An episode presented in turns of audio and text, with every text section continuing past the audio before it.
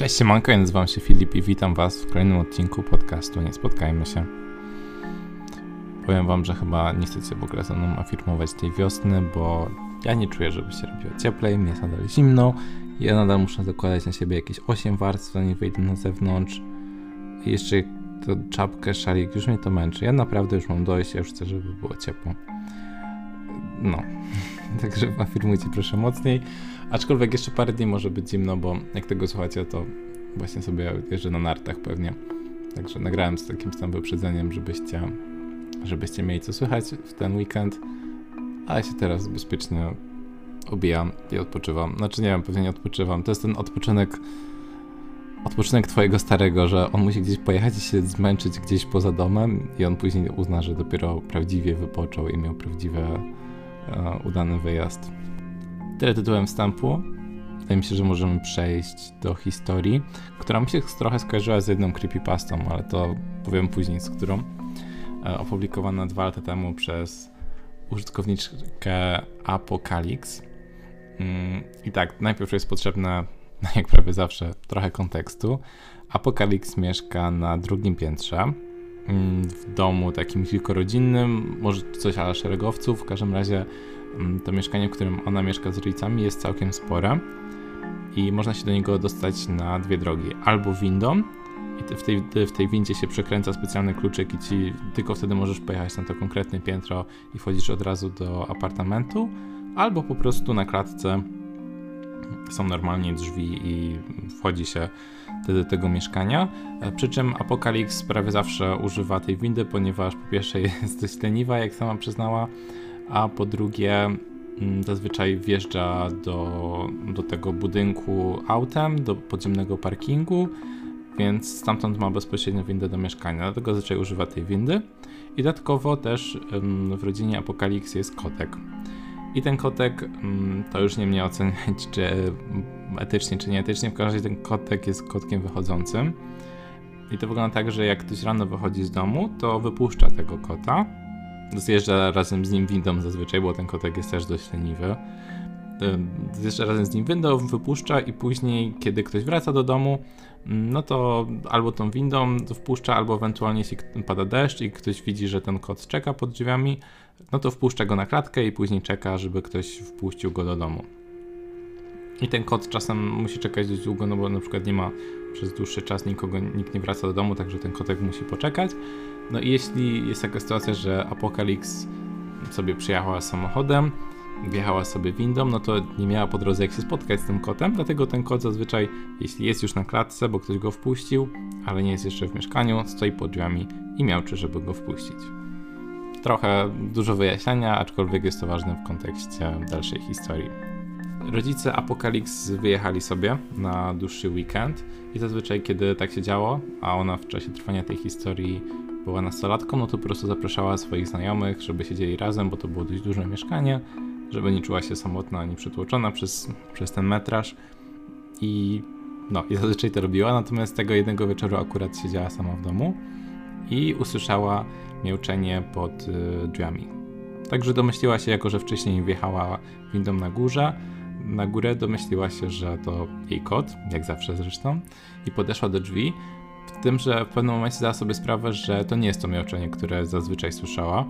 Tym bardziej, że słyszała je prawie codziennie, no bo codziennie wychodził tak naprawdę ten kot z kimś z domowników i codziennie wracał, także to był taki bardzo, bardzo kojarzony przez nią dźwięk. Plus, jak macie zwierzaki, no to, to nie dość, że jesteście w stanie rozróżnić pewnie dźwięki waszych zwierząt od e, dźwięków innych zwierząt, no to jeszcze jesteście pewnie w stanie powiedzieć, że jak was pies szczeka, no to może szczekać z ekscytacji, może szczekać ze złości, z przestraszenia jak Psajdaka wypuszczam z klatki, to też doskonale wiem, w jakim jest teraz nastroju i w jaki sposób teraz grucha i jakie emocje chce mi przekazać. No, także od... zauważyła, że coś w tym dźwięku miauczenia jest nie tak. Zaczęła nasłuchiwać bardziej i wtedy usłyszała, że jej kot drapie drzwi. Co było bardzo dziwne, ponieważ nigdy jeszcze do tego nie doszło. I zazwyczaj, tak jak Apokalips była dość nieostrożną osobą i że przez całe te paręnaście lat jej życia nigdy nie patrzyła przez, przez Judasza, nigdy nie patrzyła ktoś po drugiej stronie, to w tamtym momencie coś ją tknęło i to drapanie wydało się na tyle dziwne, że zdecydowała się rzeczywiście spojrzeć. I to, co zobaczyła po drugiej stronie, zmroziło jej krew w żyłach, ponieważ zobaczyła, że jest tam jakiś mężczyzna, który wydaje dźwięki kota i drapie paznokciami o futrynę drzwi, udając tego kota i próbując ją zmusić do tego, żeby ona te drzwi otworzyła. Ona już była tak naprawdę w trakcie otwierania tych drzwi, ponieważ z dwóch zamków już pierwszy otworzyła, także mało by mu nie otworzyła tych drzwi tak na oścież. Ale w tym momencie zupełnie zamarła, kiedy zobaczyła go po drugiej stronie. Oczywiście od razu um, uciekła stamtąd y, w głąb mieszkania i zadzwoniła na policję. Natomiast jak policja już się pojawiła na miejscu zdarzenia, to mężczyzny dawno nie było. Apokalips nawet nie była w stanie stwierdzić dokładnie, w którym momencie ustało miauczenie, ponieważ była w takim szoku i była tak przerażona. Mm, także jedyne co tak naprawdę się stało, to złożyła zeznania, dała znać tej policji i na tym się skończyło. Kotek na szczęście tym razem prawdziwy wrócił bezpiecznie do domu parę godzin później. I od tamtego czasu oczywiście zawsze sprawdza Judasza, zanim otworzy drzwi. Natomiast najbardziej niepokojąca jest ta myśl, że na tę klatkę nie wpuściłby, tam dosłownie mieszkało 3 czy 4 rodziny tylko w tym budynku, także raczej nikt by nie wpuścił kogoś, kogo by nie kojarzył jakoś z widzenia, to po pierwsze, a po drugie musi być to ktoś, kto dokładnie znał mm, sposób, w jaki ten kot się komunikuje. Znaczy, dobra, to jest dość oczywiste, że kot komunikuje się po, przez miauczenie, ale że wiedział, że jest taki rytuał, że ten kot codziennie dosłownie chce wejść i miauczy, i wtedy te drzwi mu są otwierane. Także albo musiał w jakiś sposób e, znać tę rodzinę, albo obserwować ten dom, ale no znowu, jak, był, jak byłby w stanie to robić, będąc, będąc w środku na klatce. Także, no, creepy. Patrzcie zawsze przez Judasza, zanim otwieracie.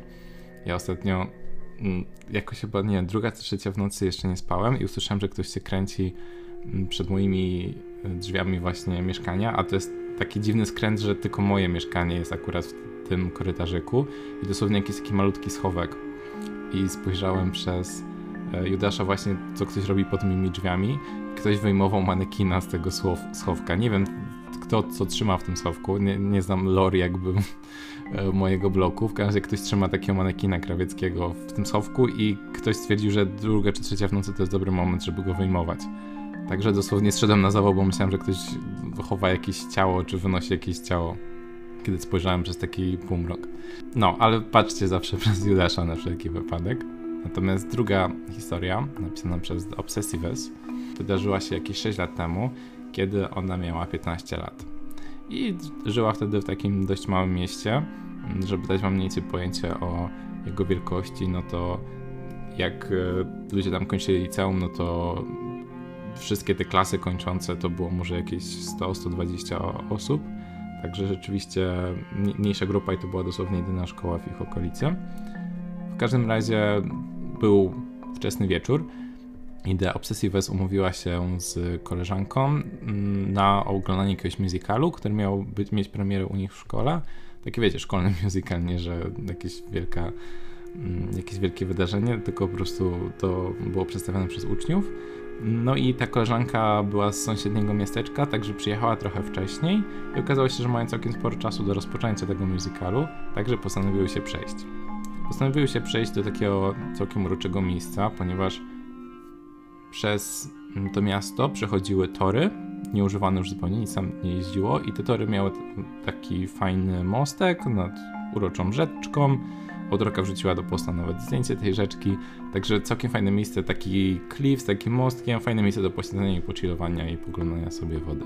Przejście dało tam łatwo, ponieważ, tak jak mówiłem, te tory jechały przez miasto, był tam przejazd kolejowy, który był nijak niezabezpieczony, no bo nic tam nie jeździło, także po prostu tym przejazdem zaczęły iść wzdłuż torów mm, w kierunku tego, tego mostu. W momencie minęło jakiegoś mężczyznę, tak e, koło 40, który siedział na swoim telefonie, a czy wiecie, siedział na telefonie, że coś robił na tym telefonie, to oczywiście nie, że siedział dosłownie, mm, i gdzieś tam sobie stał na skraju jakichś zarośli i właśnie przy tych torach. Zbytnio nie zwróciły na niego uwagi, usiadły sobie, minęły go i usiadły sobie na krawędzi tego mostu i sobie tam patrzyły, na tę wodę rzucały jakieś kamienie. Dobrze się bawiły, że tak powiem. Siedziały sobie i rozmawiały i zdały sobie sprawę, że ten mężczyzna, którego wcześniej minęły, jest coraz bliżej nich.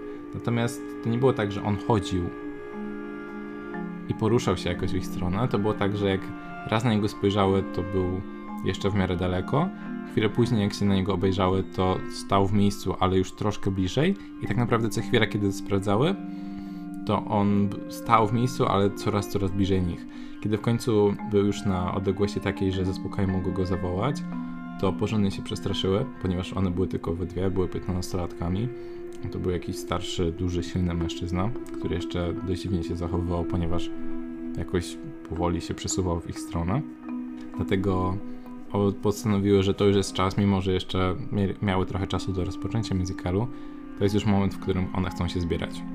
Także wstały, The Obsessives wyjęła swój telefon i zaczęła udawać swoją rozmowę z mamą, mówiąc jej dokładnie, gdzie jest, tak wiecie, żeby, żeby ten mężczyzna usłyszał, że w razie czego są osoby, które wiedzą, gdzie one dokładnie się znajdują, żeby ewentualnie zaniechał jakichś planów.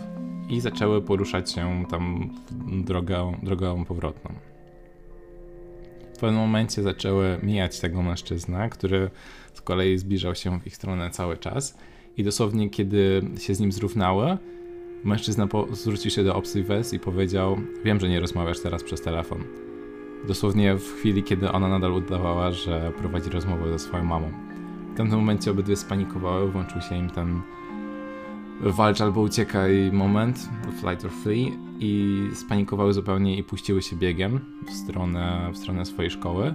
Najgorsze było to, że mimo dość niskiej temperatury The Obsessives miała na sobie japonki, które kompletnie się rozwaliły, no wiadomo jak się biega w japonkach.